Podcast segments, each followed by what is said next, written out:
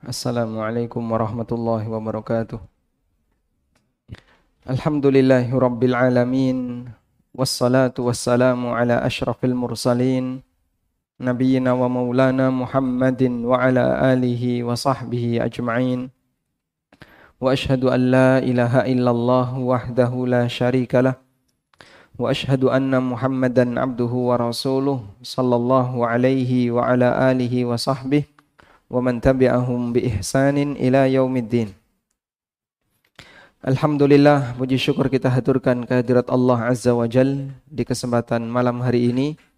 Kembali kita melanjutkan kajian rutin bulanan dengan membaca buku pengantar fikih jual beli dan harta haram. Dan insya Allah yang akan kita bahas judulnya apa Pak? Hukum banting-bantingan harga. Yang ini menjadi salah satu fenomena cukup banyak terjadi di kalangan penjual herbal. Ya. Penjual herbal atau yang sirwal? Atau dua-duanya? Masya Allah. Baik. Bagi Anda yang punya bukunya, silahkan dibuka halaman 145.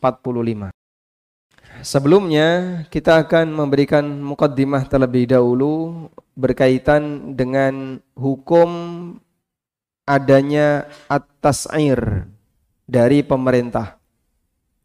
Bolehkah pemerintah itu memaksakan harga kepada penjual yang disebut dengan atas air? Atas air adalah kebijakan pemerintah untuk menetapkan harga tidak boleh melebihi dari batas tertentu dan tidak boleh kurang dari batas tertentu. Namanya apa? Atas air. Praktek atas air di tempat kita adalah adanya HET, harga eceran tertinggi atau terendah? Bisa terendah, bisa tertinggi. Itu boleh atau tidak? Disebutkan dalam hadis dari Anas bin Malik radhiyallahu anhu. Beliau mengatakan di zaman Nabi Shallallahu Alaihi Wasallam pernah terjadi kenaikan harga. Akhirnya para sahabat datang kepada Rasulullah Shallallahu Alaihi Wasallam dan mereka mengadukan akan hal ini. Ya Rasulullah, laqad ghala si'ru, fasa'ir lana. Ya Rasulullah, banyak barang yang harganya naik. Fasa'ir lana, oleh karena itu tolong turunkan harga untuk kami. Namun Nabi Shallallahu Alaihi Wasallam tidak menurunkan harga, tapi beliau bahkan memberikan motivasi bagi para sahabat untuk bersabar dan ngasih pemahaman tentang konsep harga dalam Islam. Beliau Shallallahu Alaihi Wasallam mengatakan, Innallaha huwal qabidul basitul musa'ir. Sesungguhnya Allah dialah zat yang melapangkan rizki dan menyempitkan rizki hambanya al-musair dan yang menetapkan harga. Kemudian beliau menyampaikan salah satu di antara alasannya. Wa inni akhafu ayyakuna li ahadin madlamatun minal mal wad dam. Dan aku takut ada tindakan kezaliman yang aku lakukan kepada kalian baik dalam masalah harta maupun dalam masalah darah. Yang mungkin dia nanti akan nuntut kepada Rasulullah Sallallahu Alaihi Wasallam di akhirat. Maksudnya begini, ketika terjadi kenaikan harga, orang menjual itu dengan harga mahal, pasti kan ada faktornya. Mungkin kulaannya mahal, bahan baku mahal, atau BBM mahal, biaya transportasi mahal, dan aneka faktor yang lain. Di zaman Nabi Shallallahu Alaihi Wasallam, fluktuasi harga itu terjadi, terutama karena faktor demand and supply. Ketika ketersediaan sedikit karena mungkin gagal panen, maka harga jadi naik. Sehingga keseimbangan antara keberadaan barang dan kebutuhan masyarakat dari dulu itu sudah menjadi penentu fluktuasi harga. Maka Rasulullah Shallallahu Alaihi Wasallam tidak ingin ketika beliau tetapkan harga, ternyata itu mendolimi para pedagang. Sehingga saat pedagang itu kulaknya sudah mahal, tapi karena kebijakan negara harganya diturunin, otomatis mereka semua akan menanggung kerugian. Dan Nabi Shallallahu Alaihi Wasallam khawatir kerugian mereka semacam ini nanti akan dijadikan sebagai alasan nuntut di akhirat. Sehingga beliau tidak ingin ada tindakan kezaliman dalam masalah kebijakan yang menyebabkan ada sebagian di antara rakyatnya yang nuntut beliau sallallahu alaihi wasallam di akhirat. Makanya jamaah seorang nabi sallallahu alaihi wasallam jasanya paling besar bagi umat. Meskipun demikian Rasulullah sallallahu alaihi wasallam itu takut ketika beliau mendolimi umatnya nanti dituntut oleh umatnya di akhirat. Yang mungkin itu nggak kebayang dalam diri kita. Masa sih Pak kita kok tega nuntut Rasulullah SAW di akhirat. Nuntut di dunia saja nggak mungkin, apalagi nuntut di akhirat. Tapi itu bagian dari prinsip yang dipegangi oleh Rasulullah SAW. Sampai beliau tidak ingin ada di antara umatnya yang nanti nuntut di akhirat gara-gara salah kebijakan. Kalau sudah kayak gini jamaah, kita bisa mendapatkan sebuah pelajaran berharga. Siapakah kita dibandingkan Nabi Shallallahu Alaihi Wasallam? yang tidak mungkin bisa dibandingkan karena kita manusia biasa. Tapi tatkala kita melakukan kedoliman kepada orang lain, rasanya kemudian langsung kita lupakan. Seolah-olah tidak ada pengaruh apa pun terhadap diri kita. Apalagi yang disebut dengan ghibah. Itu ibarat kedoliman seperti lautan tanpa tepi. Lautan tanpa tepi. Hampir setiap hari kita melakukannya yang namanya gerendengi orang, ngerasani orang, hampir setiap hari kita melakukan. Padahal Nabi Shallallahu Alaihi Wasallam sangat takut ketika beliau mendolimi di antara umatnya nanti mereka bisa nuntut di akhirat. Sehingga ini menunjukkan bahwasanya Rasulullah Shallallahu Alaihi Wasallam ketika wafat beliau itu dalam kondisi nol kedoliman, nol kedoliman. Jadikan itu sebagai cita-cita. Menjadi hamba ketika meninggal dunia dalam keadaan nol kezaliman. Sehingga kalau masih ada hak orang lain yang belum tertunaikan, segera ditunaikan. Kalau kita pernah mendolimi orang lain, segera minta maaf kepada yang bersangkutan. Jika yang bersangkutan tidak terima, maka Anda bisa minta kepada yang bersangkutan, saya harus nebus berapa biar kau bisa menerima permohonan maaf saya. Dengan prinsip seperti itu kita menghadap Allah Subhanahu wa taala tanpa membawa dosa kezaliman. Baik. Nah, kemudian berdasarkan hadis ini para ulama memberikan kesimpulan bahwa at-tas'ir itu tidak boleh. Karena Nabi Shallallahu alaihi wasallam tidak melakukan at-tas'ir. Sehingga ketika para sahabat meminta kepada Rasulullah sallallahu alaihi wasallam, "Ya Rasulullah, fasair lana harga barang semuanya pada naik, qad ghala si'ru fasa'ir lana, harga barang pada naik, tolong turunkan harga untuk kami. Nabi SAW menolaknya. Padahal beliau punya kemampuan untuk itu enggak Pak? Punya kemampuan itu itu tidak? Kenapa? Karena beliau kepala negara. Sehingga punya hak dan daya paksa kekuatan hukum untuk memaksa orang menjual barang di harga sesuai yang beliau tetapkan. Tapi beliau tidak melakukannya. Baik. Nah dari sini kita juga bisa mendapatkan pelajaran terkait masalah akidah dalam masalah rizki. Rizki hamba itu telah ditetapkan oleh Allah. Itu keyakinan kita.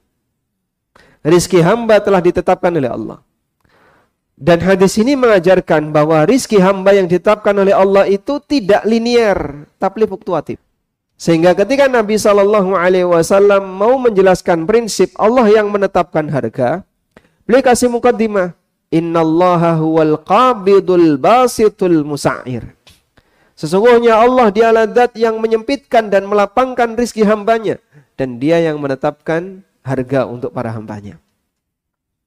Sehingga rizki hamba telah ditetapkan oleh Allah. Tapi rizki hamba itu tidak linear. Namun fluktuatif. Kadang naik, kadang turun, kadang naik, terus turun bablas. Mati kan ya. Kalau kemudian rizki itu sampai pada titik nol, berarti apa? Orangnya mati. Dan salah satu di antara cara Allah Ta'ala membuat rezeki hamba itu naik turun adalah harga yang ditetapkan oleh Allah di antara para hambanya. Sehingga kadang harga ada yang naik, kadang turun. Dan itu membatasi kemampuan kita untuk mendapatkan sebuah barang. Jadinya kita sulit dapat barang karena harganya naik. Kita mudah dapat barang karena harganya turun. Dan demikian seterusnya. Dan itulah fluktuasi rizki hamba. Sehingga adanya fluktuasi harga, udahlah Pak, nggak usah jadi bahan pikiran. Karena banyak orang yang tidak bisa Pak menerima kenyataan seperti ini. Ketika mendengar harga BBM naik, itu stres duluan sebelum dia beli bensin. Turun tuh bensin wes stres Pak. Karena dia mikir yang lain. Nanti kalau bensin naik, ini naik, naik, naik, naik, kabeh melu munggah. Yang nggak naik cuma satu, menungsane. Manusianya nggak naik harganya. Sehingga orang jadi stres gara-gara seperti ini. Masya Allah. Padahal jamaah yang dibilangkan Allah Subhanahu Wa Taala yang lebih penting itu bukan masalah naik turunnya harga, yang lebih penting adalah kita mampu untuk beli atau di, tidak. Makanya naik dan turun itu sebenarnya tidak mempengaruhi rizki hamba. Memang terjadi fluktuasi, tapi rezeki ini tidak akan habis kalau orangnya belum mati. Sehingga yang lebih penting itu harga murah tapi nggak bisa beli atau harga mahal tapi bisa beli. Yang mana pak? Murah bisa beli. Enggak sih soalnya oke duitnya. Yang lebih penting murah tapi tidak bisa beli atau mahal tapi bisa beli. Mahal bisa beli. Sekarang Masya Allah kalau kita bandingkan dengan kejadian tahun 90-an, awal 2000, ada banyak sekali barang yang kenaikannya sampai 10 kali lipat. Mahal sekali. Terutama yang tinggal di Jogja kan bisa merasakan. Ya. Yang namanya kenaikan tanah gimana Pak? Harganya kurva naik. Kecuali kalau pas terjadi gempa bumi itu jadi murah Pak. Masuk nunggu gempa nih Arab tuku tanah. Bantul dulu kan nggak laku kan tanahnya. Gempa 2006 harga tanah jadi jatuh. Banyak yang ditinggal. Begitu situasi sudah normal, balik lagi, naik lagi. Tapi jamaah di belakang Allah, meskipun naik turunnya harga, meskipun mahal, yang lebih penting adalah kita bisa beli. Anda bisa buat perbandingan. Jumlah jamaah haji Indonesia antara sebelum tahun 2009 dengan pasca tahun 2009 selisihnya jauh sekali. Selisihnya jauh sekali. Dari sisi jumlah. Dulu haji plus itu harganya cuma 50 juta. Itu daftar langsung berangkat. Dulu ya. Karena kuotanya masih sedikit sekali orang yang mau daftar. Yang haji reguler saja, yang haji reguler sebelum tahun 2010 itu kan masih sangat longgar. Orang daftar 25 juta bisa langsung berangkat. Tapi masih sedikit jumlahnya. Padahal mu, murah ketika itu. Total paling kurang lebih 30 juta ketika dia dipanggil nambahi cuma tinggal 5 juta. Sangat murah ketika itu. Tapi masih jarang sekali orang yang mau berangkat haji. Belakangan furoda, harga berapa furoda sekarang? 450-an juta. Tahun kemarin 300-an juta. Diberitakan 7000 jamaah furoda nggak dapat visa. Pulang. Insya Allah.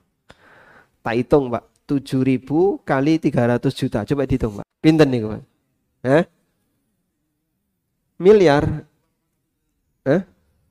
2,1 triliun. Uangnya kaum muslimin. Itu baru yang mau daftar furoda. Belum yang daftar haji khusus. Belum yang dia tersimpan di tabungan reguler. Subhanallah. Yang dulu murah banyak yang nggak bisa, sekarang mahal rebutan untuk berangkat. Padahal visanya dibatasi. Maka ini bagian dari bukti bahwasanya Allah Subhanahu wa taala membentangkan dunia untuk umat manusia sehingga mereka bisa mendapatkan hal-hal yang dulu mereka tidak bisa dapatkan meskipun harganya mahal. Mungkin Anda punya pengalaman ya. Dulu mie instan berapa harganya, Mas? Hah? 300. Saya masih menjumpai harga 300 atau 200. Udah? Itu satu bungkus ya. Ibu saya itu kalau masak udah terus ditutup sama piring. Mangkoknya ditutup piring ngembang tinggal lawo sak jero. Sekarang satu nyawa, satu bungkus. Tambah telur lagi. Sehingga dulu murah tapi kita sulit untuk bisa mendapatkannya. Sekarang mahal, turah-turah. Masya Allah. Posisi saat ini kita hidup di zaman makanan melimpah, pakaian melimpah. Dulu di zaman Nabi SAW itu terjadi kondisi makanan sedikit, pakaian terbatas. Kemudian setelah itu terjadi pelimpahan. Lalu terbatas lagi. Melimpah lagi, terbatas lagi. Di zaman kemerdekaan, padahal jauh dari zaman Nabi SAW, itu mengalami penyempitan.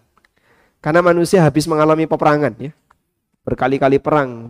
Sampai perang dunia yang kedua, makanan menipis, pakaian menipis tahun 40-an, 50-an, sehingga orang punya baju bagus, itu istimewa sekali. Sekarang Masya Allah, sedekah pakaian bekas tuh nggak ada yang mau nerima Pak. Jarang yang mau nerima. Kalau nggak ada labelnya itu nggak mau nerima dia. Baik. Ini contoh Allah Subhanahu wa taala memberikan anugerah kepada umat manusia. Allah bentangkan rizki untuk mereka melebihi dari yang dulu dialami oleh masyarakat di masa silam sehingga meskipun harganya mahal tapi mereka sanggup untuk menjangkaunya. Prinsip inilah yang perlu kita tekankan kepada masyarakat. Yang lebih penting itu dalam masalah harga kita bisa apa Pak? Beli karena rizki yang sejatinya kan bukan duitnya. Rizki yang sejatinya itu apa Pak? Makanan, pakaian, tempat tinggal, kendaraan, itulah rizki yang sejatinya. Sedangkan uang, kayak no pitik ora doyan. Tapi yang sejatinya adalah yang berupa benda, yang berupa apa yang bermanfaat bagi kita. Baik. Selanjutnya, kita akan membahas tentang bagaimana hukum menjual barang di bawah harga pasar. Di sini saya bagi menjadi dua. Yang pertama, aturan yang berlaku bagi importir atau al-jalib. Yang kedua, aturan yang berlaku bagi penjual biasa. Untuk yang pertama, aturan yang berlaku bagi al-jalib. Al-jalib artinya adalah orang yang mendatangkan barang dari luar. Masuk kategori al-jalib, pertama adalah orang yang beli dari petani langsung. Yang kedua, orang yang beli dari produsen. Yang ketiga, produsennya sendiri. Ini semuanya masuk kategori al-jalib. Yaitu orang yang menjadi intinya adalah al-jalib ini adalah orang yang menjadi sumber ketersediaan barang di pasar. Namanya apa? Al-jalib. Ulama sepakat bahwa al-jalib punya kebebasan dalam menetapkan harga. Sehingga dia mau jual harga berapapun silahkan. Saya memproduksi barang, maka saya punya hak untuk menjual barang itu sesuai dengan apa yang saya inginkan. Karena produsen masuk bagian dari al-jalib. Ibn Rushd mengatakan, mimma lakhtilafa fihi annahu la yusa'aru alal jallab di antara masalah yang tidak diperselisihkan oleh para ulama annahu la yusa'aru alal jallab. Bahwa untuk jallab atau jalib jamaknya jallab untuk importir tidak ada penetapan harga. Alias dia mau jual dengan harga berapapun bebas. Di tempat yang lain Ibnu mengatakan Amal jallab falakhtilafa fi annahu la yusa'aru alaihim syai'un mimma jalabuhu lil. Untuk para importir tidak ada perbedaan pendapat bahwa mereka tidak dibatasi dalam menentukan harga untuk barang yang dia datangkan ketika dijual. Kenapa demikian? Alasannya tadi ya. Karena dia sebagai apa, Pak? Sumber ketersediaan barang di mana? Di pasar. Sehingga dia dikasih kebebasan mau jual berapapun silahkan. Baik. Maka para pedagang itu ngambilnya dari jalab ini. Sehingga untuk jalab itu pasarnya pasar khusus. Kita kalau seperti di Prambanan itu kan pasar saat durungnya subuh, karo bar subuh regane beda. Sebelum subuh itu pasar tengkulak. Sehingga kalau mau beli sayur dengan harga murah, dia datang ke pasar sebelum subuh. Itu dapat sayur harga murah. Tapi kalau sudah jam 7 ke atas, pasar normal, harganya harga normal. Maka yang datang-datang itu namanya jalab. Saya pernah kesasar di Gamping. Pasar Gamping itu kan bersebelahan. Sebelah kiri itu pasar grosir, sebelah kanan pasar ecer. Nah, waktu itu saya nggak tahu mau masuk pasar, tak kirain jalan tembus nekat aja mah. Wah, ternyata banyak truk-truk lagi bongkar jeruk, bongkar buah-buahan, bongkar semangka itu masya Allah. Tapi di sini beli satuan tidak boleh. Nek beli satuan suruh ke sebelahnya. Kalau mau beli di sini harus borongan, nah itu baru boleh. Nah seperti ini harganya murah, harga turun, silahkan. Giwangan yang buah murah mana itu? Ada? Ya, nggak tahu ya. Bakul buah mana bakul buah? Baik. Seperti itulah yang disebut dengan jalab. Nah, Nabi Shallallahu alaihi wasallam melarang apabila ada jalib yang datang, maka jangan diintervensi, biarkan dia menjual sendiri. Coba Anda lihat hadis di halaman 147. Rasulullah Shallallahu alaihi wasallam bersabda, "La yabi hadirun libadin." Orang kota tidak boleh menjualkan barang milik orang desa. Orang kota tidak boleh menjualkan barang milik orang desa. Da'ullaha yarzikil da'u da'un nasa yarzukillahu ba'dahum min ba'din. Biarkan masyarakat mendapatkan rizki dari Allah dengan cara transaksi antar satu dengan yang lain. Biarkan berjalan normal, nggak usah diintervensi. Baik, tolong bedakan tiga hal ini. Bedakan tiga hal ini ya. Yang pertama, kalau ada orang desa bawa barang ke pasar, maka dia tidak boleh dicegat sebelum masuk pasar. Larangan ini namanya apa? Praktek ini namanya apa? Talaki rukban. Talaki arukban. Jemput pedagang sebelum masuk pasar. Ini tidak boleh. Ada pedagang dari luar atau dari kampung bawa barang, nelayan bawa ikan, mau masuk pasar. Nggak boleh dicegat sebelum masuk pasar. Namanya talak kirukban. Dan Rasulullah SAW melarang praktek talak kirukban. Orang di masa sekarang talak kirukban itu ada beberapa orang yang deprok di ngarepe pasar. Pernah lihat? Pernah ya? Saya pernah lihat ibu-ibu seperti itu. Jadi dia jejer-jejer di jalan menuju pasar. Di Klaten waktu itu.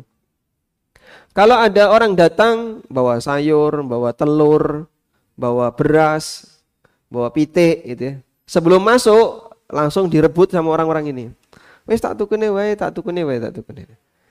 Dijual atau dibeli dengan harga borongan, dapat harga lebih murah sehingga si petani ini belum tahu harga pasar sudah dicegat di jalan. Ini namanya talak kiruban. Hukumnya apa? Enggak boleh. Yang kedua, yang kedua, orang pasar datang, eh, orang pasar, orang kampung datang ke kota, ke pasar kota. Sudah? Setelah sampai pasar, betul-betul sampai pasar, ditawari oleh orang kota tak jualkan saja. Jenengan monggo tunggu di warung kopi, nanti kita kasih hasilnya. Baik. Praktek ini boleh atau tidak? Praktek ini boleh atau tidak? Tidak boleh. Apa dalilnya? Ya, hadis ini. Hadis ini ya. La yabi hadirun libadin. Jangan orang janganlah orang kota menjualkan barang milik orang desa. Maksudnya gimana, Pak? Kata Ibnu Abbas radhiyallahu anhu ketika beliau ditanya tentang makna hadis ini beliau mengatakan laisa bainahuma simsar. Jangan ada makelar di antaranya. Jangan ada makelar di antaranya. Jadi orang kota jangan menjadi makelar bagi orang desa untuk menjualkan barangnya. Da'unna saya rizqillahu ba'dahum min ba'd. Biarkan Allah memberikan rezeki kepada masyarakat yang ada di pasar dari sumber yang lain yaitu dari kehadiran orang desa tadi. Maksudnya, biarkan orang desa ini menjual sendiri. Kalau dia jual sendiri, maka biasanya dia akan jual dengan harga yang murah. Karena kerasa, wah badine kok oke, sudah didol rodok murah. Itu disebut oleh Nabi SAW, biarkan Allah memberikan rizki kepada masyarakat dengan adanya hargamu murah. Hadirnya orang ini memberikan harga yang lebih murah. Sudah? Kenapa ini tidak boleh untuk ditahan meskipun dia bisa jadi ngerusak harga pasar? Karena posisi dia sebagai apa? Sebagai apa? Jalib. Orang yang datang membawa apa? barang dari sumbernya. Dia sebagai sumber ketersediaan barang di tempat itu. Paham ya? Baik. Praktek yang ketiga. Orang kota kulaan ke desa. Wong Bantul munggah ning Gunung Imogiri atau ning Gunung Kidul golek duren. Di sana murah, Mas. Duren di sana masih murah.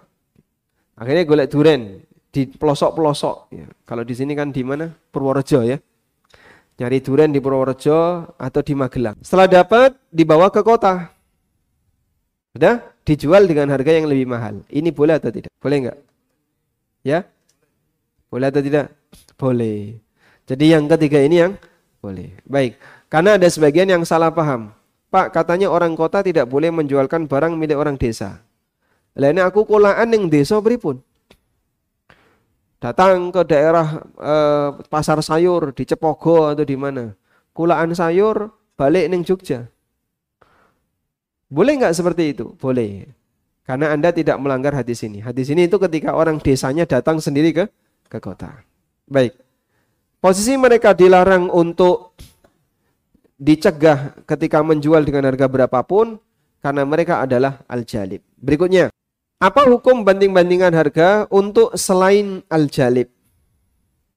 Selain al-jalib itu berarti orang yang sudah punya toko, punya ruko di pasar. Biasanya kan pasar itu ada lapak-lapak ya. Lapak, lapak, lapak. Sehingga dia bukan al-jalib, tapi dia itu penjual ecer di lapak-lapak pasar. Boleh nggak Pak banding-bandingan harga antara sesama pemilik lapak? Ada tiga pendapat ulama mengenai hal ini. Yang pertama, penjual dibolehkan menjual barang di bawah harga pasar. Ini merupakan pendapat Syafi'iyah Hambali dan pendapat Ibnu Hazm. Dalam kitab Al-Insaf dikatakan qawluhu bi kannasi ala sahihi min al-madhhab wa fihi wajhun la yahrum. Dalam madhab Hambali itu ada dua pendapat. Pendapat yang pertama haram untuk menetapkan harga bi Kanas, jual barangmu seperti harga yang berlaku di masyarakat. Ala sahihi minal madhab, menurut pendapat yang sahih dalam madhab hambali. Wa fihi wajhun, dan ada wajah, la yahrum, tidak haram. Baik, yang bawa buku, coba dilihat ya. Ada kata wajhun di situ? Ada kata wajhun? Baik, halaman 148 tulisan Arab yang paling atas. Nah, wa fihi wajhun ada? Baik, baris nomor 2 ya. Nah. Istilah dalam madhab ada riwayat, ada kaul, ada wajah. Riwayat, kaul, wajah. Apa bedanya? Kalau riwayat itu berasal dari imam madhab. Ini pendapat Imam Ahmad dalam salah satu riwayat. Pendapat Imam Syafi'i dalam sebagian riwayat. Itu pakai riwayat. Ada kaul. Kaul itu pendapat dalam madhab yang punya sumber dari imam tapi pecah dan pecahnya dominan. Misalnya, uh, menurut An Nawawi pendapatnya A, menurut Ar Rafi'i pendapatnya B. Dan pengikut A dan B ini banyak. Dari madhab syafi'iyah. Maka ini disebut kaul. Ada yang ketiga disebut wajah. wajah itu menyalai yang dominan dalam madhab. Sehingga misalnya, hampir semua syafi'iyah mengatakan A. Tapi ada tiga atau empat ulama syafi'iyah yang mengatakan B. Maka B ini disebut wajah. Mahfum insya Allah ya. Sehingga kalau di sebuah lembaga, yayasan, ada ustadz sentral. Ustadz sentral. Ustadz sentral ini punya murid senior. Misalnya ada empat murid atau lima murid senior. Udah? Lima murid senior ini ternyata beda pendapat. Jadi lima pendapat. Masing-masing punya pengikut banyak. Maka ini jadi kaul. Tapi kalau hampir seluruhnya pendapatnya seragam, cuman di bawah ini ada yang beda, namanya apa? Wajah. Baik. Wafihi wajhun dan ada pendapat.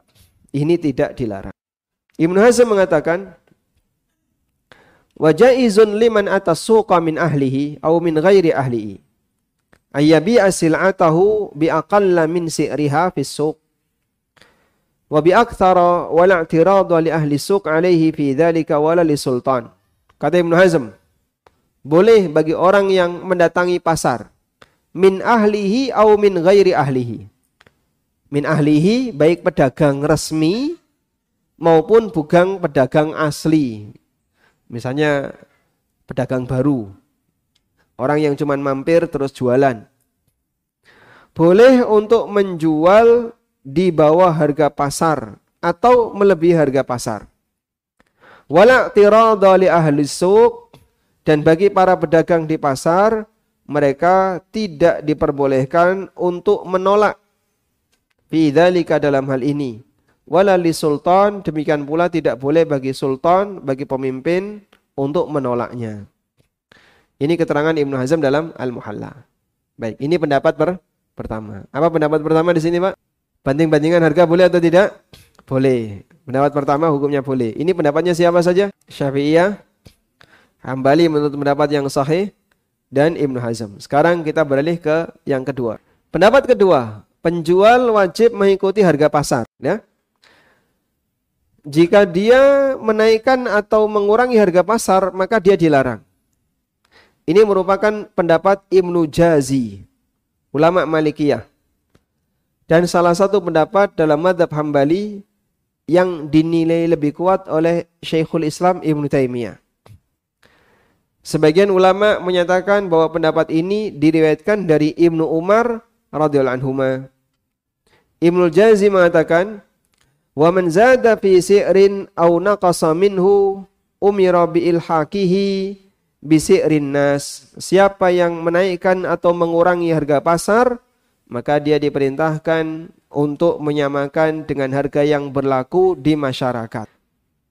Dan mendapat Ibnu Ibnu Jazi yang ini merupakan uh, ulama madhab Malikiyah ini menjadi apa acuan dalam madhab Malikiyah. Lalu dalam kitab Al-Iqna kitab madhab Hambali dinyatakan wa aujaba syaikhu ilzamahum al-muawadata bi thamanil mithli dan asy maksudnya Ibnu Taimiyah mewajibkan untuk memaksa para pedagang agar melakukan transaksi bi thamanil mithl dengan harga standar. Tidak boleh terlalu tinggi dan tidak boleh terlalu rendah. Baik. Dan tinggi rendah itu tergantung pasar. Maka antara warung pinggir jalan dengan warung di bandara pasarnya be beda. Sehingga ini tidak masuk perbedaan ini tidak masuk dalam kategori yang dibahas tadi karena memang pasarnya demikian. Baik. Kemudian pendapat yang ketiga, pendapat Imam Malik. Beliau punya pernyataan yang terkenal Siapa yang banting harga maka dia dihukum. Masya Allah. Siapa yang banting harga dia dihukum. Al-Qadhi Abdul Wahab mengatakan, Faidha sabata dhalika ya'ni min tahrimi tas'ir. Jika telah diketahui mengenai larangan melakukan penetapan harga, ya, falladhi yukhafu dararuhu bi'aqdi tas'ir, maka kasus yang dikhawatirkan berbahaya ketika tidak ada penetapan harga adalah terjadinya azyadah fihi. harga yang melambung. Dan ini mungkin untuk dipangkas, mungkin untuk dicegah. Bi ayyukhal dengan dikatakan siapa ya yang menurunkan harga maka dia punya pilihan. Satu, naikkan hargamu. Kalau dia banting harga, dia punya pilihan. Naikkan hargamu. Atau yang kedua, pergi dari sini. Kamu tidak boleh jualan di di pasar. Ini keterangan Al-Qadhi Abdul Wahab. Kemudian beliau juga mengatakan, La yusa'aru ala ahli aswak fa, inna dhalika dhulmun. Tidak boleh menetapkan harga untuk para pelaku pasar karena itu kedoliman. Tapi ketika ada orang yang menjual di pasar dengan harga 10 sok, lalu dia turunkan satu sok, maka dia diperintahkan untuk keluar dari pasar. Karena jadinya dia harganya lebih murah dari yang lain. Wallahu alam. Sudah masuk waktu Isya? Baik, kita akan dengarkan adzan terlebih dahulu. Setelah itu kita baca lanjutannya insyaallah. Wassallallahu ala nabiyyina Muhammadin wa ala alihi wa sahbihi wasallam. Alhamdulillah wassalatu wassalamu ala Rasulillah wa ala alihi wa sahbihi wa mawalah. Wa ashhadu an la ilaha illallah wahdahu la syarika lah. Wa ashhadu anna Muhammadan abduhu wa rasuluh.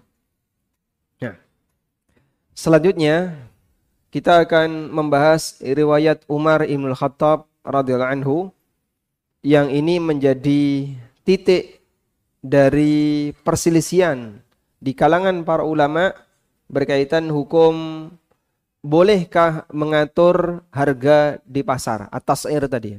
Sehingga ketika ada orang yang menjual dengan harga jauh lebih rendah, apakah dia boleh dipaksa untuk dinaikkan? Nah, coba kita lihat di sini. Umar radhiyallahu anhu pernah melakukan inspeksi pasar. Di sana beliau bertemu dengan Hatib bin Abi Balta'ah yang sedang menjual zabib anggur kering. Lalu Umar bertanya, berapa kamu jual wahai Hatib? Maka Hatib mengatakan, dua mut. Jawab Hatib, seharga dua mut. Kemudian Umar radhiyallahu anhu mengatakan, Kalian berjualan di pasar kami telah menghabiskan tenaga kami dalam mengaturnya. Membuat kami lelah kemudian kalian bisa bebas berdagang. Umar meminta bi so'an. Jual dengan harga satu sok. Hatib itu menjual dengan harga dua mut. Dua mut itu berapa sok? Hmm? Setengah sok. Hatib menjual dengan harga setengah sok oleh Umar suruh jual dengan harga satu sok, empat mut. Jika tidak, kamu tidak boleh berjualan di pasar kami. Baik. Ketika saya membaca riwayat ini, bingung saya itu. Ini katanya dalil tidak boleh banting harga. Tapi kok realitanya ini kebalikannya. Pertama saya baca hadis ini. Jadi mencerna hadis ini saya cukup lama dulu, Pak. Coba lihat gini ya. Hatib ditanya Umar, berapa kamu jual? Dua mut. Ya? Setengah sok. Umar minta naikkan jadi empat mut. Satu sok. Itu lebih mahal atau lebih murah? Hah? Dinaikkan atau diturunin itu? Dinaikkan. Menjual dengan harga dua mut dengan empat mut. Itu lebih murah yang mana Pak? Bingung nggak? Berapa kamu jual? Dua mut. Enggak, pokoknya harus satu sok, empat mut. Suruh naikkan dua kali lipatnya. Gimana itu memahaminya? Saya awalnya mencari, gimana? Maksudnya kan awal mula saya memahami hadis ini kayak gini ya. Kalau ada orang beli, misalnya satu dirham, kau kasih berapa? Dua mut, dua cakupan tangan. Oleh Umar minta kasih empat mut, empat cakupan tangan. Berarti lebih murah atau lebih mahal?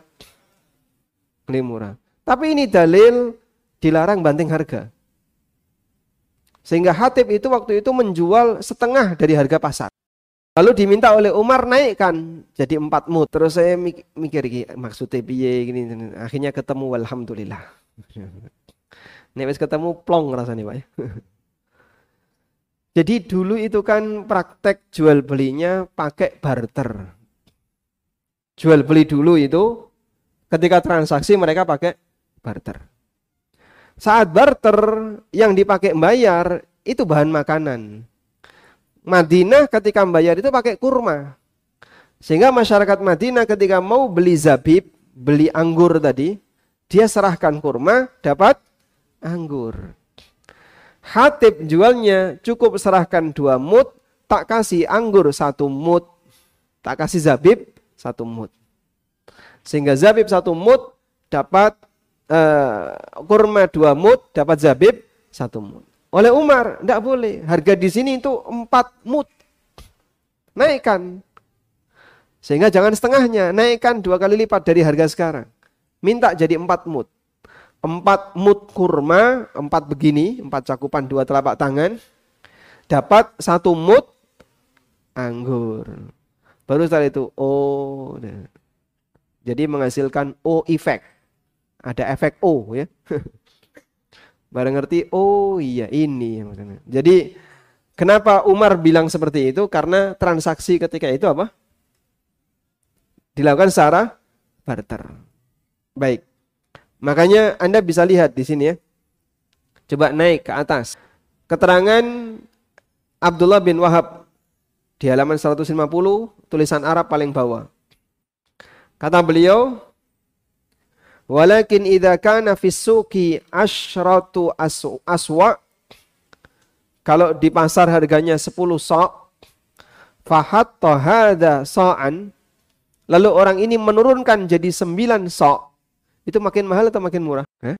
Murah mahal. Kalau harga di pasar itu 10 sok lalu dia turunkan jadi 9 sok itu makin mahal atau makin murah? Murah. Karena dia bayarnya pakai 10 sok diturunkan jadi kamu bayar aja 9 sok, dikurangi satu sok. Bayarnya. Bayarnya pakai apa? Bahan makanan yang berlaku di tempat itu. Sehingga diturunkan di situ bukan diturunkan yang diserahkan, tapi diturunkan yang diterima oleh pen penjual. Jelas insya Allah? Paham ya? Baik. Alon-alon ya. Nah. Maka dalam hadis ini Umar radhiyallahu anhu melarang Hatib untuk menjual dengan harga yang lebih yang lebih murah dan minta agar dijual dengan harga yang lebih mahal. Lalu Umar mengatakan, "Wa illa fala tabi fi sukina." Kalau nggak mau kayak gini, jangan jual di pasar ini. Kau jual di luar. Wa illa fasiru fil ardi wajlibu thumma bi'u kaifa syi'tum. Atau jika tidak, silahkan kamu ke luar negeri dan kulak barang dari luar Kemudian silahkan kamu jika ingin menjual sesuai keinginan kamu. Sehingga jadi jalib. Tapi dia harus keluar dulu. Baik, coba lihat di sini catatan konversi. Standar harga yang menjadi acuan adalah ukuran volume takaran, yaitu mut atau sok. Di mana satu mut sama dengan satu cakupan dua telapak tangan, sementara satu sok adalah empat mut, empat begini ya. Dan yang ditakar adalah bahan makanan, karena bahan makanan ketika itu menjadi alat transaksi. Dalam ayat ini Umar tidak melarang Hatib untuk berjualan. Tapi yang dilarang Umar adalah berjualan di pasar Madinah dengan harga di bawah harga normal. Karena ini membahayakan pasar dan mengganggu pedagang yang lain. Sementara Islam punya prinsip la dororo wala dirar. Tidak boleh ada yang membahayakan diri sendiri maupun orang lain. Baik, sekarang kita lihat tarjihnya. Kita cantumkan terlebih dahulu riwayat dari Umar. Coba dilihat di halaman 153. Dalam Mukhtasar Al-Muzani, Al-Muzani siapa Pak? Al-Muzani. Muridnya Imam Asy-Syafi'i rahimahullah. Setelah beliau pindah dari Baghdad atau sebelum pindah dari Baghdad? Setelah pindah dari Baghdad.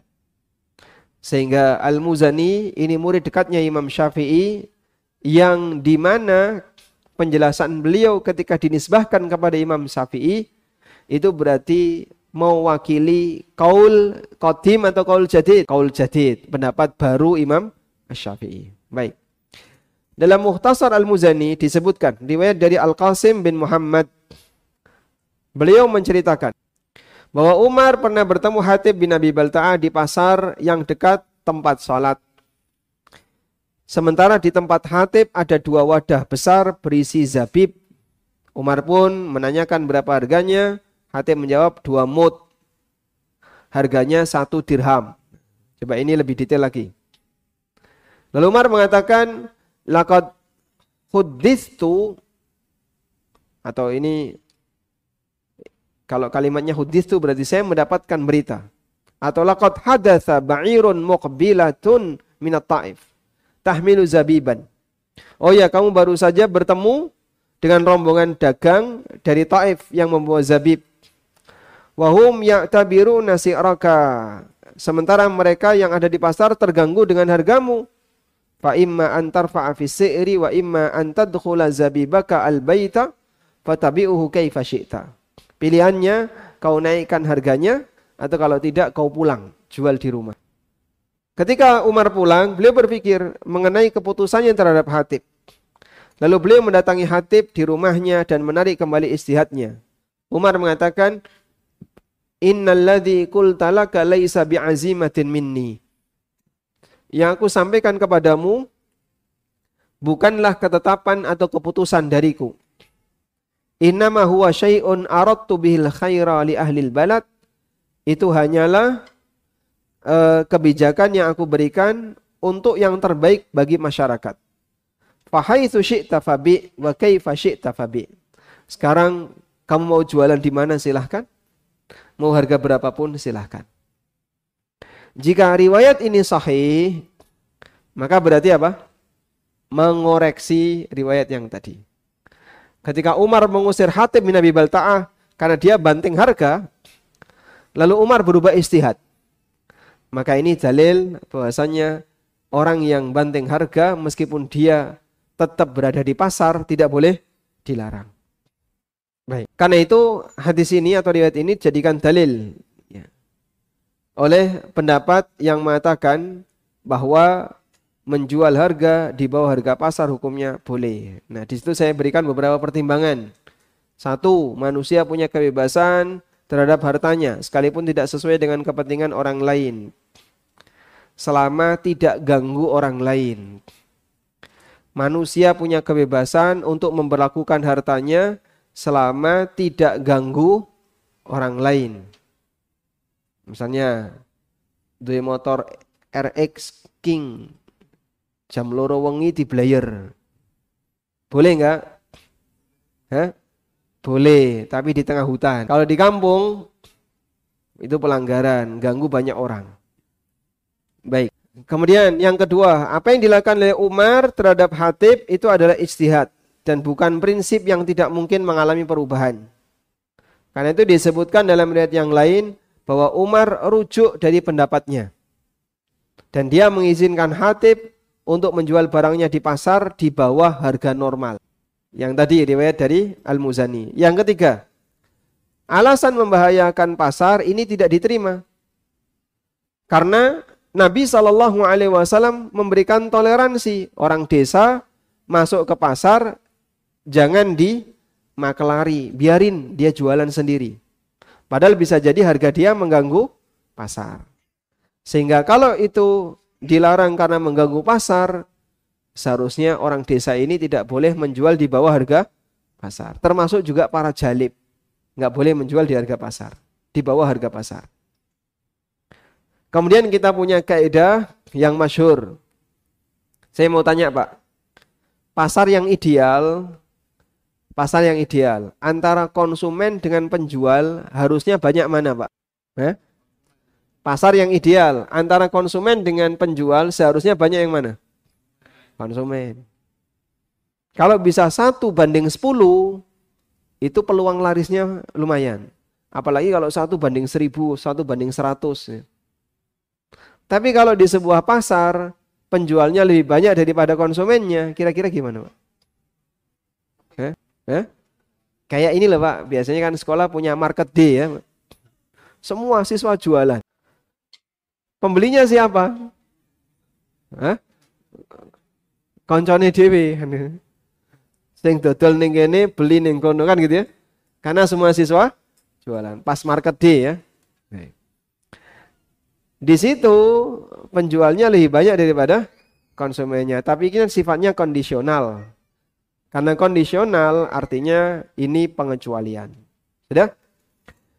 Berarti ketika pasar itu idealnya konsumen lebih banyak daripada penjual, maka kemaslahatan konsumen itu lebih luas daripada kemaslahatan penjual.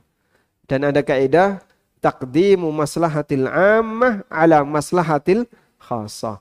Dahulukan maslahat yang luas dibandingkan maslahat yang terbatas. Sehingga kalau terjadi benturan maslahat, dahulukan maslahat yang luas dibandingkan maslahat yang terbatas dan menguntungkan pembeli itu lebih luas masalahnya daripada penjual. Wallahu a'lam.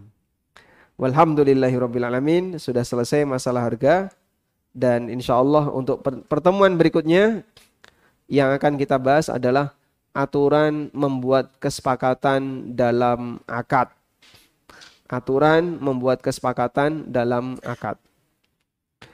Wallahu alam wa sallallahu ala nabiyyina Muhammadin wa ala alihi wa sahbihi wasallam. Ada beberapa pertanyaan yang sudah dikirim melalui WA. Assalamualaikum Waalaikumsalam. Terjadi transaksi antara A dan B. A penjual, B pembeli. A mengantarkan barang yang dibeli oleh B ke rumahnya pada hari Senin. Dan ada kesepakatan barang dibayar tiga hari setelah barang diserahkan. Setelah tiga hari atau di hari Kamis, B ketemu A di masjid. Bolehkah B menyerahkan uang ke A di masjid atau harus keluar dulu? Jawabannya boleh bagi konsumen untuk menyerahkan uang ke penjual di masjid. Karena status menyerahkan uang ini bukan akad, tapi bayar utang. Ya. Karena barangnya sudah sampai di tempat konsumen tiga hari kemarin. Dan sekarang ketika ketemu, ini sifatnya hanya bayar utang. Dan bayar utang di masjid dibolehkan oleh para ulama. Tapi tidak boleh terlalu besar. Wallahu a'lam. Assalamualaikum waalaikumsalam. Bolehkah kita menjual uang kuno dengan harga yang tinggi? Ada fatwa dari Syekh Ibn Utsaimin rahimahullah bahwa uang yang sudah tidak lagi diberlakukan seperti uang kuno maka dia tidak berlaku hukum benda riba. Karena tidak berlaku sebagai hukum benda ribawi, maka boleh ditransaksikan meskipun dengan nilai yang jauh berbeda. Satu rupiah harganya berapa? Satu rupiah sekarang harganya berapa? Sama dengan satu dolar, bahkan lebih mahal daripada satu dolar. Di pasar kelitian itu ada yang jual satu rupiah harganya lima puluh ribu. Padahal satu dolar cuman 15 ribu. Makanya satu rupiah lebih tinggi harganya daripada satu dolar. Indonesia punya potensi yang tersembunyi. Cuman yang butuh orang ono. Ya, mungkin satu rupiah saya lihat ya, satu rupiah, dua rupiah itu dijualin ya. Dan itu harganya mahal. Mungkin ada 20 ribu, 30 ribu. Ya. Di kelitian itu banyak. Dan seperti ini tidak masuk dalam kategori riba karena ini bukan lagi mata uang. Wallahu Jika kita menjual di atas HET gas melon 3 kilo HET-nya 15 ribu. Tapi yang terjadi di masyarakat dijual antara 20 sampai 21 ribu, ada juga yang mentung sampai 25. Saya pernah di Pentung itu 25. Karena waktu itu langka. Saya tanya, di sini ada nggak? Ada. Tapi 25 mau nggak? Ya sudah enggak apa-apa. Nah, timbangannya orang masak. Dan itu sudah menjadi uruf di masyarakat. Penyalur resmi dari Pertamina juga tahu. Nah, bagaimana hukumnya? Saya sendiri bingung ini ya.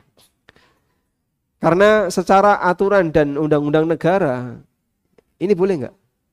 Nggak boleh. Kalau ketahuan, ada sanksinya. Artinya, mungkin kalau ada Pak Krisna bisa jelasin. Bisa jadi ini kriminal. Kalau tidak masuk ke hukum perdata ya pidana. Gitu ya. Intinya ada sanksi ketika ada pedagang menjual gas melon di atas HET. Tapi untuk umum hampir tidak ada dijual di harga 16 itu enggak ada. 15, 16, rata-rata 20 ke atas. Dan itu sudah menjadi rahasia bersama. Saya yakin mungkin juga pemerintah tahu.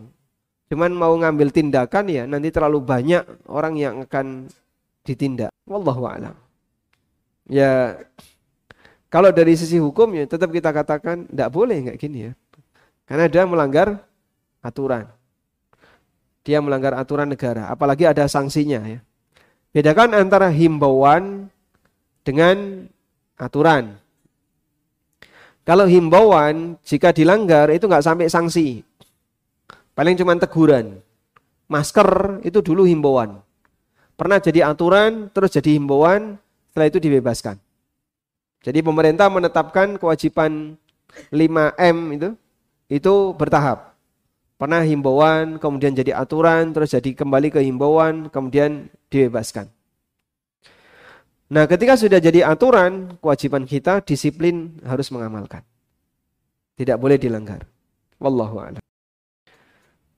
Bagaimana hukum membuat laporan pajak tahunan berupa omset bulanan tidak sesuai aslinya? Karena omset besar belum tentu untungnya juga besar. Sehingga kalau sesuai omset maka pajak juga besar. Apakah ini termasuk yang tidak taat dengan pemerintah sedangkan pungutan pajak tidak boleh dilakukan kepada masyarakat secara syar'i. Ini boleh dijawab nggak? Eh? Ini masjid maba itu kan harus aman posisinya. Nanti dikhawatirkan kajiannya di ban. Aman. Yang jamin aman siapa? Anda pulang nggak nanggung resiko kan? Takmirnya ketar-ketir. Baik. Intinya begini, ada salah paham di masyarakat berkaitan dengan pajak. Jadi berkaitan dengan hadis la yadkhulul jannata sahibu maksin. Penarik pajak tidak akan masuk surga. Dalam hadis yang lain ketika Nabi wasallam merajam wanita Ghamidiyah sampai akhirnya dia mati karena dia berzina kemudian dirajam sampai mati. Lalu beliau nyolati jenazahnya, diprotes oleh sahabat. Anda nyolati jenazah seorang wanita pezina. Apa jawab Nabi Shallallahu Alaihi Wasallam? Laqad tabat taubatan. Lau kusimat ala sahibi maksin lakusimat. Andaikan orang ini telah melakukan sebuah taubat yang sangat besar. Andaikan taubatnya itu dipakai untuk nutupi dosanya penarik pajak pasti akan bisa menghapus. Karena kualitas tobat itu bertingkat, Pak. Ada tobat yang model kayak kita itu ya, kapok lombok. Nek sholat tobat, baru sholat balik. Balik ini ngelakoni dosa mana. Ketika wanita gomidia ini bertobat, dia tobatnya itu tobat luar biasa. Sampai dinyatakan oleh Nabi SAW, andaikan tobatnya itu dipakai untuk nutupi penarik pajak, itu bisa dipakai untuk ngampuni dosa mereka. Berarti kira-kira ya ukurannya kayak gitu.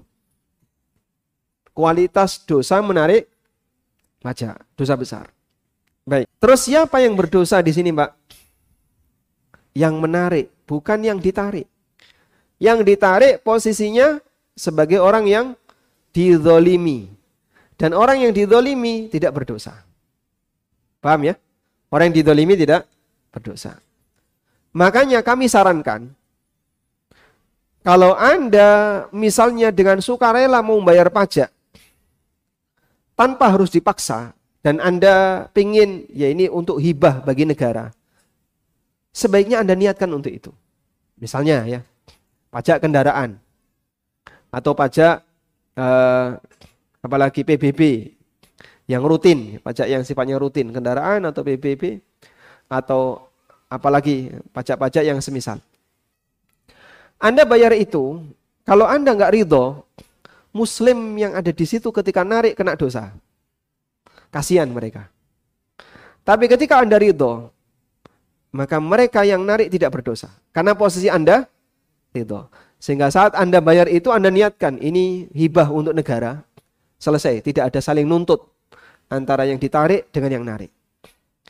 Karena yang dia serahkan sifatnya sukarela, diniatkan untuk hibah negara, maka yang narik tidak berdosa. Paham ya? Baik. Sehingga misalnya ada kawan Anda mau mengaudit usaha Anda. Mas, usahamu tak audit ya. Setelah diaudit, kamu jenengan harus keluar nilai sekian. Itu audit resmi. Dah? Ya, karena kita sama-sama panitia kajian. Ada juga panitia kajian yang masih aktif di penarikan pajak ya. Gak tahu dia kerja di mana, tapi dia aktif di penarikan pajak. Instansinya saya nggak tahu ya. Baik. Kemudian um, karena dia merasa kasihan. Wah, iki aku nek bayar sambil loro hati koncoku dosa. Karena ada unsur kedaliman. Tapi kemudian Anda pengertian daripada nanti kamu berdosa, sudahlah saya tak ngalah. Tak kasihkan 100 juta sebagai nilai pajak sesuai yang ditetapkan dan saya niatkan hibah untuk negara. Itu yang narik Pak, tidak ada dosa. Ketika dalam posisi apa? Dia ridho. Paham di sini ya? Baik. Makanya ketika kita membahas masalah uh, hukum pajak, saya lebih suka menggunakan pendekatan konsekuensi di akhirat. Apa hukum menarik pajak? Terjadi polemik A, B, A, B, C, dan seterusnya. Aneka pendapat disampaikan. Pertanyaan saya cuma satu. Kalau terjadi penarikan pajak, pernah nggak ada orang yang ditarik pajaknya sementara dia nggak terima? Oh sering pak, banyak yang nggak terima. Mereka pengennya nggak bayar. Mereka nggak terima dengan itu. Dan kalaupun bayar sedikit saja. Nggak mau yang gede-gede kayak gini sampai miliaran. Baik. Yang kayak gitu kalau banyak jumlahnya. Maka bayangkan nanti mereka akan nuntut di akhirat. Siapa yang kira-kira akan dibela oleh Allah? Yang narik atau yang ditarik? Udah mikir itu aja. Dengan mikir itu kan dia membayangin, berarti beban orang yang punya pekerjaan di tempat seperti ini, dia akan berurusan dengan banyak orang yang mungkin tidak terima ketika pajaknya ditarik. Ya siap-siap siap-siap saja untuk berhadapan dengan semua orang yang tidak diterima. Semua orang yang tidak terima ketika uangnya diambil. Imam Ash-Syafi'i rahimahullah mengatakan, Bi'sazad ilal ma'ad al-udwanu 'alal ibad. Seburuk-buruk bekal menuju akhirat adalah permusuhan terhadap sesama manusia. Karena ini tidak akan pernah dilupakan oleh Allah. Wala tahsabannallaha ghafilan amma ya'maludz zalimun. Janganlah kalian menyangka bahasanya Allah akan melupakan perbuatan yang dilakukan oleh orang yang Terus gimana Pak? Tapi ini kan bagian dari konsekuensi ketika saya bekerja. Ya kalau begitu Kalaupun Anda bekerja, jangan di posisi itu. Cari pekerjaan yang lain. Masih banyak pekerjaan di mana Anda bisa bebas dari konflik, Anda bisa bebas dari sengketa, Anda bisa bebas dari tuntutan di akhirat. Cari pekerjaan yang lain. Tapi pendapatannya nggak sebesar ini. Nah kalau itu mikir hawa nafsu. Memang yang namanya pekerjaan dengan cara yang normal biasanya pendapatannya kecil. Cuman pikirkan nasib kita di akhirat. Itu yang sering saya jadikan sebagai pendekatan ya. Ketika kita membicarakan masalah pajak, jadi bayangin nanti di akhirat kira-kira yang nuntut itu berapa orang yang tidak terima ketika Anda tarik uangnya meskipun Anda legal dalam posisi ini. Karena banyak orang yang kemudian usahanya itu tutup gara-gara sekali audit. Coba, sampai ada jadi kadang saya mikirnya bingung ya ini pajak kok mateni usaha. Begitu dia ditarik pajaknya, usahanya langsung nyungsep mati sudah. Jadi pajak itu tidak menyelamatkan dia untuk bertahan sehingga usahanya tetap jalan dia. Begitu pajak kena dia langsung nyungsep. Ada beberapa usaha RPH, rumah potong hewan tuh, yang dia langsung gulung tikar gara-gara kena pajak. Ada juga teman saya yang ketika kena pajak dia habis buahnya habis-habisan, udah langsung habis usahanya. Dan ada yang bisa bertahan, ada yang berusaha untuk menawar dan seterusnya. Dan aneka kasus itu jumlahnya banyak sekali. Bayangkan kalau ini semuanya nanti akan nuntut di akhirat. Nah, wallahu alam. Baik, kalau buat laporannya gimana Pak? Wah ini saya nggak berani jawab ya, Insya Allah. Karena ini sensitif. Karena termasuk di antara uh, Saya pernah diskusi dengan orang pajak. Kalau saya bahas tentang pajak itu boleh nggak? Apa nanti kalau saya bahas dengan bahas tentang pajak kemudian saya diperkarakan, beliau sampaikan gini. Selama itu ilmiah, tidak masalah. Dan itulah latar belakang kenapa saya berani menyinggung. Selama itu ilmiah, artinya masih dalam koridor eh, pembahasan ilmiah, punya landasan, bisa dicerna secara logika, tidak masalah tapi tidak boleh ngajak orang untuk anti pajak. Mengkampanyekan itu berarti melawan pemerintah, melawan program negara dan itu tidak boleh. Dan saya tidak pernah mengatakan, wah kok muslimin jangan bayar pajak. Tidak boleh. Padahal ada salah satu ormas di Indonesia yang pernah mau membuat kebijakan untuk membatalkan itu. Seluruh anggota ormasnya. Dan itu dulu ketar-ketir orang pajak. Berita itu sampai ke saya meskipun belum diangkat keluar. Alhamdulillah nggak jadi. Kalau itu jadi, bisa tegang antara ormas ini dengan pemerintah. Padahal termasuk ormas besar, ya. Baik.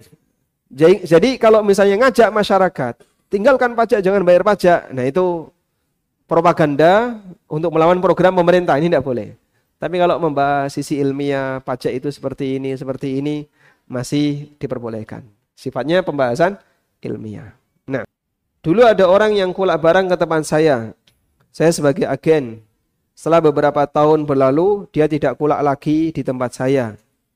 Dan mencari barang sendiri. Sekarang dia jadi agen dan menjual barangnya dengan harga 10-20% di bawah harga saya. Dan ini satu daerah dengan saya. Menurut pasaran harganya jauh di bawah pasar Bagaimana ini? Sedangkan kami duluan jualan barang tersebut. Pilihan pertama, Anda pindah daerah. ya, biar nggak satu daerah sama dia kan? Berarti Anda yang pindah daerah. Atau pilihan yang kedua, Hah?